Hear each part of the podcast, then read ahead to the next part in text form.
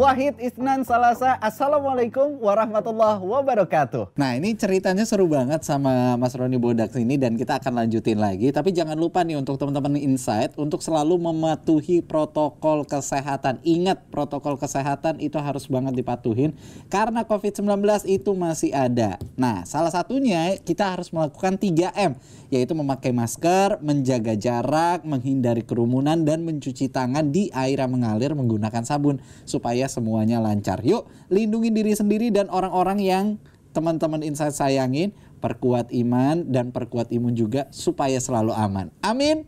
Ya robbal alamin.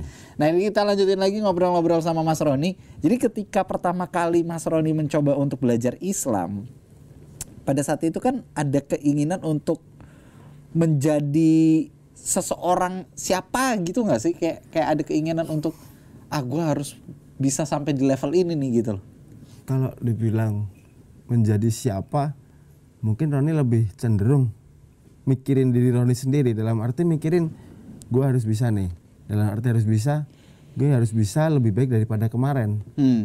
dalam arti buat penyemangat saja kan Penyam- penyemangat biar nggak down keadaan down gini masa apa namanya tatoan lemah masa tatoan kayak gini nggak apa namanya nggak mau ini nggak berani ngaji nggak berani itu mau tinggalin tinggalin rumah tinggalin keluarga tinggalin perkara-perkara yang harusnya selayaknya kita lakukan di saat itu pun kita berani ninggalin sampai berbulan-bulan hampir tahunan kita baru pulang gitu kan. Sekarang buat pelajaran agama buat belajar agama kita masih mikir kan gitu. Hmm. ini lucu kan. Ya jangan pernah lah dipikir-pikir kan itu. Agama ini nggak usah dipikirin. Jalanin aja kan gitu. Kalau dunia dipikirin dua kali nggak apa tiga kali nih tawaran dunia pikirin dulu nggak apa-apa kan gitu. Oke. tapi kalau agama nggak usah dipikir jalanin aja. Jalanin aja. Tapi dulu nggak pernah ada berpikiran sampai bisa kayak seperti ini tuh nggak ada pikiran gitu. pengen jadi hafiz nggak atau pengen jadi pendakwah atau apa gitu nggak pernah sempat kepikiran gitu nggak nggak pernah Sama berpikir sekali. cuman mikirnya belajar ngaji bisa baca Al-Quran lagi bisa apa namanya bisa sholat lima waktu Ah. udah cuman sebatas itu saja bisa ngaji ke majelis zikir majelis sholawat majelis taklim cuman pengennya cuman sekedar itu aja keinginan bisa ngaji nih minimal ngaji buat ngaji diri sendiri hmm. baca Quran minimal kalau nggak bisa ngajarin orang lain ngajarin diri sendiri aja kan gitu nah terus kok akhirnya bisa berdakwah sekarang ya, mungkin qadarullah kan ya bukan mungkin emang ini udah kehendak Allah Subhanahu wa taala. Oke. Jadi dulu nggak ada pikiran selintas nanti ini apa namanya ketemu sama artis-artis nanti tayang di televisi nanti ada undangan ini nggak ada pikiran seperti itu. Hmm. Orang hijrah pertama kali nggak pegang handphone saya. Hijrah pertama kali nggak pegang handphone? Belajar hijrah itu pertama kali nggak pegang handphone, nggak ada fasilitas apa pun itu nggak ada. Udah. Bingung pegang Quran, bingung taklim, bingung ngobrol sama ustadz, bingung datang ke sama kiai silaturahmi, bingung datang ke tempat habaib silaturahmi, minta nasihat gitu doang. Selama satu tahun mungkin ya satu hampir satu tahunan lah baru nanti pegang HP lagi. Ada jamaah kasih HP gitu, maksudnya ini Oke. mas Roni buat ngaji biar bisa komunikasi. jadi udah stabil dulu baru baru pegang hand- baru pegang handphone. apa gadget gitu. Hmm, oke. Jadi waktu itu pada saat bingung ya memang yang dipegang ya Al-Qur'an. Ya lah, kayak minimal nggak bisa seandainya nggak ada kekuatan pegang Al-Quran ya Hmm. ngumpul sama orang-orang soleh maksudnya sama teman-teman ngaji nggak itu pun nggak bisa ngumpul sama teman-teman ngaji perasaan belum enak ya minimal kita datang ke masjid saja Nah, terus ceritanya bisa pertama kali berdakwah tuh gimana? kalau bisa berdakwah mungkin dari awal emang dari teman-teman majelis yang di Solo itu kasih semangat Hmm. antum harus semangat gitu kan antum ini kalau istiqomah nanti jadi ujung tombaknya ada yang bilang seperti itu Oke. Saya masih ingat ada orang bilang seperti itu, saya cuma ingat-ingat ya. Maksudnya apa gitu? Jadi ujung tombak itu ujung tombak itu bagaimana? Saya nggak tahu saya bilang itu. Tajam loh. Ah, tajam apalagi kalau tom, kalau dibilang tajam kan pasti melukai seseorang kan gitu. saya cuma penasaran, ah biarlah saya bilang anggap saja ingin berlalu gitu. Hmm. Tapi dengan berjalannya waktu satu tahun, di suatu ketika itu Roni pulang ke rumah, pulang ke rumah buat kerja lagi, nambah lagi, buat apa namanya di rumah lagi ketemu ibu, ketemu apa adik dan kakak kan. Di rumah, maksudnya udah kayak kesaha, apa kesibukan orang biasa lagi, layaknya orang-orang umum kerja istirahat ngaji kerja istirahat ngaji seperti itu datang suatu jamaah di suatu ketika itu didatengin orang pakai jubah kayak gini pakai gamis kurta kayak gini jubah pakai sorban ada yang pakai peci datang assalamualaikum gitu. Waalaikumsalam. Saya tengok aja ini orang nih. Ini orang pakai jubah saya tengok dari bawah sampai kepala. Orang pakai serban ini mau ngapain? Ini kiai-kiai dari mana saya? Datang salaman ngajakin ngobrol. Mas ini dari apa namanya? Masjid Anikmah Joyotakan Surakarta. Ini kita datang ke sini buat silaturahmi sama panjenengan sama sampean sama Mas Roni kan gitu. Dah, oh ya silahkan Mas duduk saya bilang gitu. Hmm. Nah ini dari mana? Saya tanyain rumah-rumahnya gitu kan, tanyain. Setelah itu saya sambil kerja lagi, kerja nambal kan di rumah. Nah sambil kerja, dia saya cuma saya diemin aja. Jadi orang duduk di sebelah sana, Roni kerja. Hmm. Orang jamaah itu pada duduk. Pagi-pagi jam 9 udah datang. Hmm.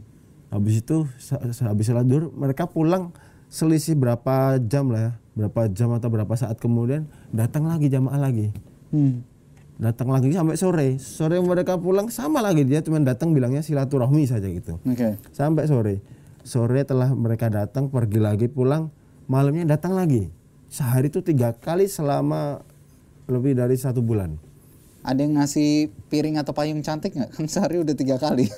itu pun kalau datang pasti bawain kue snack kopi susu dan ma- minum-minuman sehat lah ya Iya, iya, minuman iya. sehat cemilan-cemilan tuh dibawain Ah. Nah, waktu itu kan Roni belum bisa pakai gamis, pakai peci belum bisa. Hmm. Ya maksudnya pakai celana sirwal, pakai topi, pakai kaos biasa masian gitu. Oke. kan. Maksudnya dengan berbau-bau kayak kalau dibilang nih orang zaman sekarang bilang ngapain sih kok kelihatan ke Arab-Arapan gitu kan. Ah. Nah, waktu dulu ngeliatin orang pakai gamis, pakai surban itu nggak suka gitu kan. Hmm. Ah, Biasa aja lah Islam Islam biasa lah nggak usah fanatik banget gitu kan Hmm. dia sholat sholat aja gitu nggak usah ngajak-ngajakin mikirnya dulu seperti itu ada pikiran Hmm. seperti itu kan sampai akhirnya singkat cerita setelah didatangin sebulan itu saya diajakin buat tiktika gitu kan. Saya belum mau. Ada jamaah dari Jogja datang lagi. Mas Roni ada jamaah datang ini pengen silaturahmi ke sini. Oh ya siap, saya yang ke sana saja, jangan ke sini saya bilang. Karena jamaah ini kalau diusir semakin seneng lagi kan itu. Hmm. Orang bawa apa-apa habis diusir besok bawa makanan lebih enak lagi. Hmm. Hari ini datang bawain kue harga 2000 kan. Besok datengin bawa kue harga 5000. Habis mereka pergi diusir, datang lagi bawa martabak lebih banyak lagi. Ini orang ini gimana sih? Saya bilang aneh banget diusir nggak jadi pergi tapi malah jadi seneng gitu kan. Iya, iya. Jadi semakin kayak lebih akrab lagi mereka itu. Ah. Ini jamaah ini maunya apa saya bilang gitu. Akhirnya singkat cerita orang Jogja itu datang jamaah Jogja datang, saya pengen dat apa namanya diajak gabung kan. Saya bilang, "Yaudah saya datang ke masjid." Saya datang ke masjid, orang pada tiduran setelah Ba'da Isya itu. Orang pada tidur, ada yang baru ngobrol, ada baru ngopi, ada yang baru taklim dan lain sebagainya di situ. Bilang, ini orang di masjid pada tidur di sini ah nggak ada faed faedahnya. Saya mikir nggak ada fadilahnya di sini. Bikin kotor masjid saja saya bilang. Maksudnya dalam hati kecil seperti itu. Akhirnya Roni pulang. Besoknya lagi mereka jamaah Jogja pada mau pergi mau pulang ke Jogja lagi karena masa mereka buat khurut sudah habis. Jamaah Jogja itu saya datengin lagi. Datang Mas Roni ini jamaah mau silaturahmi. Ya udah saya yang ke sana. Sorean saya datang ke situ. Sore sore datang ke tempat jam limaan habis ngobrol-ngobrol-ngobrol ikut sholat maghrib sholat isya akhirnya ikut makan. Ikut makan bareng-bareng itu saya cuman keinget di masa waktu masih di jalan gitu. Kan. orang ini kok makan pakai nampan bareng-bareng saya bilang. Ustadz emang nggak ada piring makan pakai nampan pakai tangan saya bilang gitu kan. Ada sendok ada piring kenapa nggak dipakai gitu? Jawabannya simpel. Gini Mas Roni kita ini belajar makan pakai tangan bukannya nggak ada piring bukannya nggak ada sendok. Kita ini buat belajar berjamaah makan pakai tangan ini buat belajar menghidupkan sunnah gitu. Sunnah itu apa? Saya bilang gitu kan. Itu udah ngaji udah setahun ngaji tapi nggak ngeh gitu loh. Oke. cuman taunya ke masjid baca Quran udah nggak ada yang namanya silaturahmi itu nggak ada pikiran gitu kan. Nah. ngajak orang itu nggak ada pikiran itu akhirnya uh, sunnah ini seperti yang dicontohkan oleh baginda Rasulullah Shallallahu Alaihi Wasallam jadi kita ini belajar agar kehidupan kita ini yang setiap kita jalani, setiap kita lakukan menjadikan fadilah, menjadikan nilai pahala di hadapan Allah Subhanahu wa taala. Oh gitu. Setelah makan, belum selesai saya tanya lagi. Kenapa ya kalau kebanyakan jamaah ini orang pakai celana di atas mata kaki saya bilang gitu kan. Bukannya orang kalau pakai di atas mata kaki ini dibilang orang teroris, dibilang ini itu. Saya tanyain gitu kan. Jamaah lagi tuh senyum sendiri Ustaznya, senyum ketawa sama kawannya sebelah. Tanyain lagi gini Mas Roni kita ini pakai jawabnya ini nggak pakai dalil nggak pakai ayat Al-Qur'an. Ajibnya ini mereka ini bisa jawab dengan apa yang teman-teman ah, teman-teman pahami mudah dipahami dijawab dengan logika. Gini Mas Roni jamaah pakai celana tiga perempat maksudnya tiga di atas mata kaki. Di atas mata kaki ini bukan berar apa namanya kita ini berusaha agar supaya celana kita ini tidak mudah terkena najis. Saya mikir, oh iya ya kalau lebih tinggi berarti nggak- apa sulit terkena najis lah intinya kan di situ. Oh gitu ya, ya. Dan ini juga sebagian dari sunnah baginda Rasulullah SAW. Ada ustadznya bilang gitu, saya jawab lagi, Ustadz, saya dulu di jalan pakai boot tinggi, pakai celana di atas mata kaki juga, berarti udah hidupin sunnah dong, kayak bilang gitu kan. Nah, Bener. dari ustadz Bener tadi, juga. Ustadznya bingung sama temennya lagi tuh, tengok-tengok kan gitu, nengok kanan, nengok kiri, mau jawab enggak juga takut ntar wah ini kalau bocah ini ngamuk gimana? Marah dipukulin kita. Gitu. oh iya bisa jadi mas. Bisa jadi tuh kan gitu berarti Roni dulu sama teman-teman di jalan makan nih satu bukan satu nampan kalau dulu pakai satu pelepah pisang buat bareng-bareng Roni sama teman-teman udah hidupin sunnah dong saya bilang gitu lagi. Ustadznya mungkin kesel-kesel juga lucu gitu kan. Sampai akhirnya oh iya ya bisa juga mas. Itu kan juga berjamaah. Bagus itu bagus gitu doang. Tapi mau bilang enggak juga apa namanya takut ntar kalau dipukulin mau bilang itu "Ah, kan masih maksiat masih ini masih itu. Mau bilang kayak gitu nggak berani nanti takut di apa ikutin dari belakang mungkin kan gitu. Sampai akhirnya cuman ustadznya bilang iyain aja terus itu. Oke. sampai akhirnya penasaran tertarik dengan kehidupan mereka juga. Tertarik saya penasaran dengan ke- apa sesuatu hal yang belum Roni pernah alamin saya penasaran gitu. Hmm. sampai akhirnya itu saya apa namanya oke saya ikut jamaah ini sekali saja. Ini saya ikut. Besok saya nggak bakalan ikut lagi saya bilang. Cuman ngilangin dalam penasaran. hati iya. Udah buat mereka biar pada seneng saja Roni datang itu. Sampai akhirnya nggak itu pun saya penasaran kenapa sih kok orang-orang pada tiga hari 40 hari empat bulan? Ada apa di angka tiga hari 40 hari empat bulan? Di masa itu ada apa gitu? Setelah itu saya nyobain buat satu hari dua hari tiga hari terus nyobain 10 hari nyobain 20 hari. Sampai dari awal dari bermain berbagai daerah di Solo kabupaten-kabupaten nyebrang sekarang di Jogja sampai nyebrang di Semarang nyobain 20 hari empat apa 20 hari 20 hari gitu. Ketemu dari majelis-majelis Semarang juga ada yang di namanya majelis Cah Hijrah Semarang. Nah berawal dari situ berawal dari khuruj itu dari jamaah-jamaah khuruj itu Rani bisa keliling. Oke. Jadi awalnya ya benar-benar karena penasaran itu tadi. Iya cuman penasaran aja nggak ada pikiran nanti di sana ketemu ini ketemu si fulan undang iya, ini iya, undang iya. ini nggak ada pikiran cuman orang di sana kegiatannya orang pada bawa kompor bawa beras bawa bekal semuanya kan Hmm. bawa pakaian masak masak sendiri nyuci nyuci sendiri di situ penasaran ini kelihatannya asik nih adventure kayak gini kan perjalanan kayak gini kelihatannya asik gitu Hmm. Waktu itu di Semarang gitu nggak ada jamaah pindah jalan kaki diusir di masjid nggak diterima pindah lagi jalan kaki sama jamaah gitu. Oh, perjalanan gitu Nah, jadi setelah belajar agama, belajar Islam lebih dalam lagi nih, apa sih perubahan pertama kali yang Mas Roni rasain?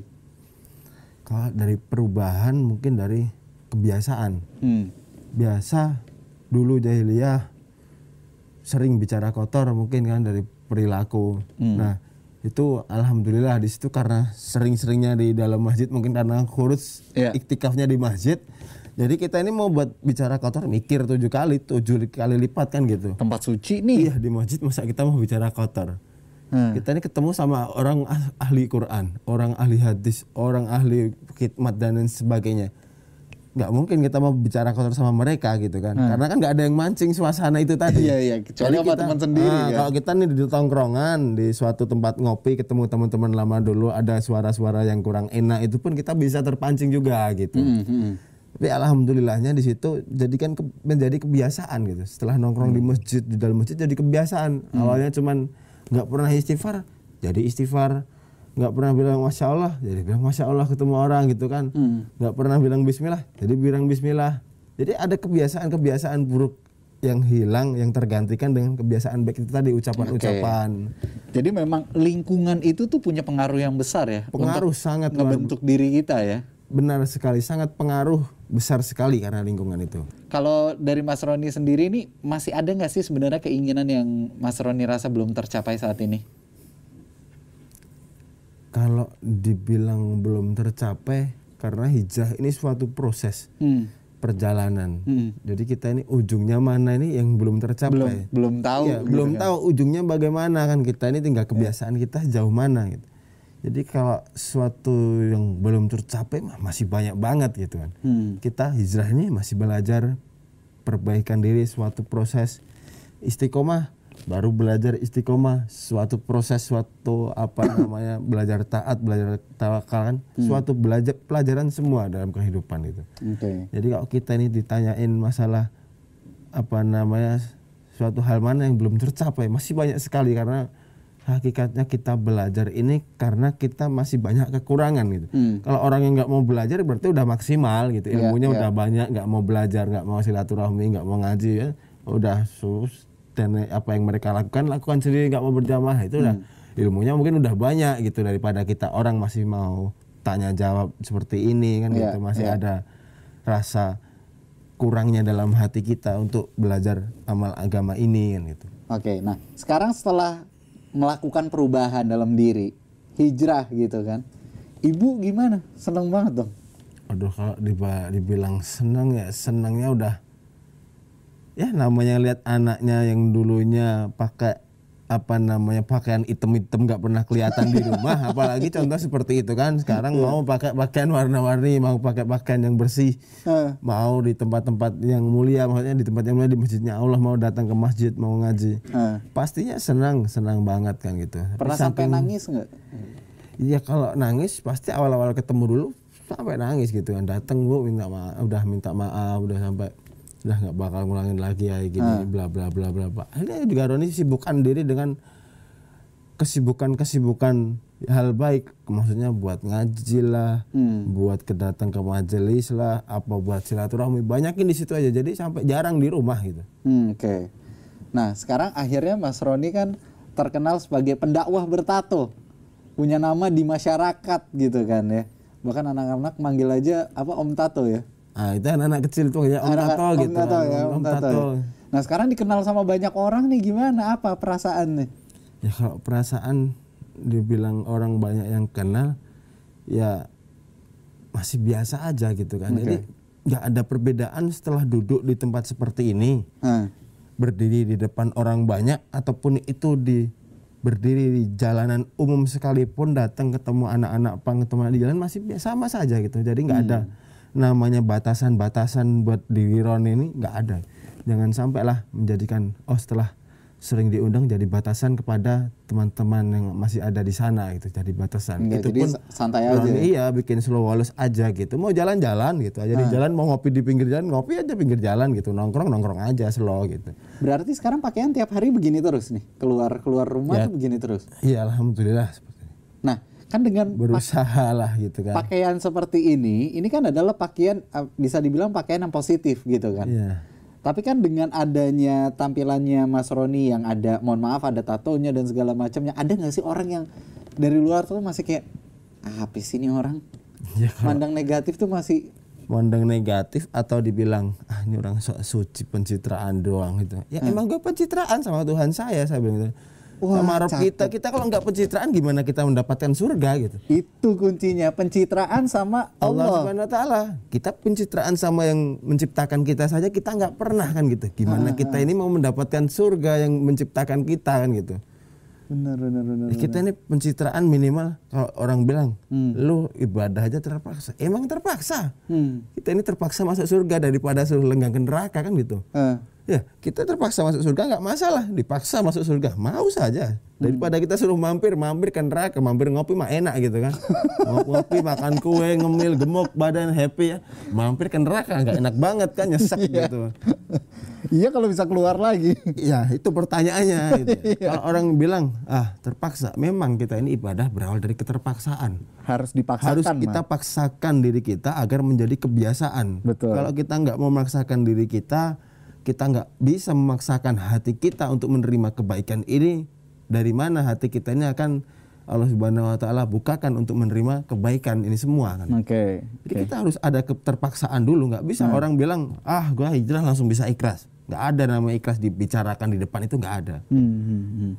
Adanya orang ikhlas setelah melakukan sesuatu pasti banyak-banyak istighfar kan gitu. Contoh suatu apa namanya suatu apa, apa yang ba- banyak orang lakukan alim ulama kan gitu. Hmm.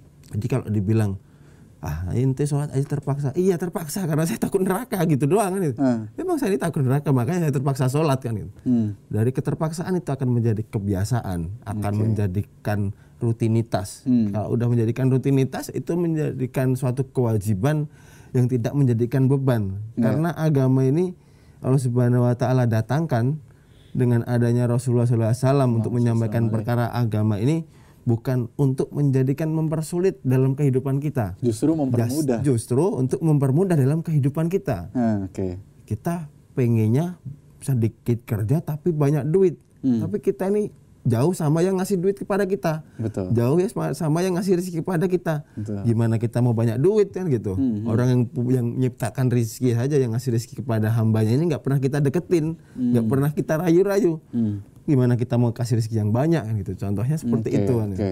kita kedatangan tamu dari kota batik. Wah ini juragan batik nih. Saya cuma perasaan nggak enak nih. Ini perasaan nggak enak nih kamar mandi mana? Mau kamar mandi jauh kan? Ah udahlah pakai sorban dan lepas saya tutup ini di kepala gini. Saya cuma nunduk doang. Nunduk ketutupan sama orang orang kanan kiri. Nah dari belakang Om Tengku Wisnu datang tuh. Hmm. Mas Roni ayo maju ke depan. Salasa, Isnan, Wahid. Wassalamualaikum warahmatullahi wabarakatuh.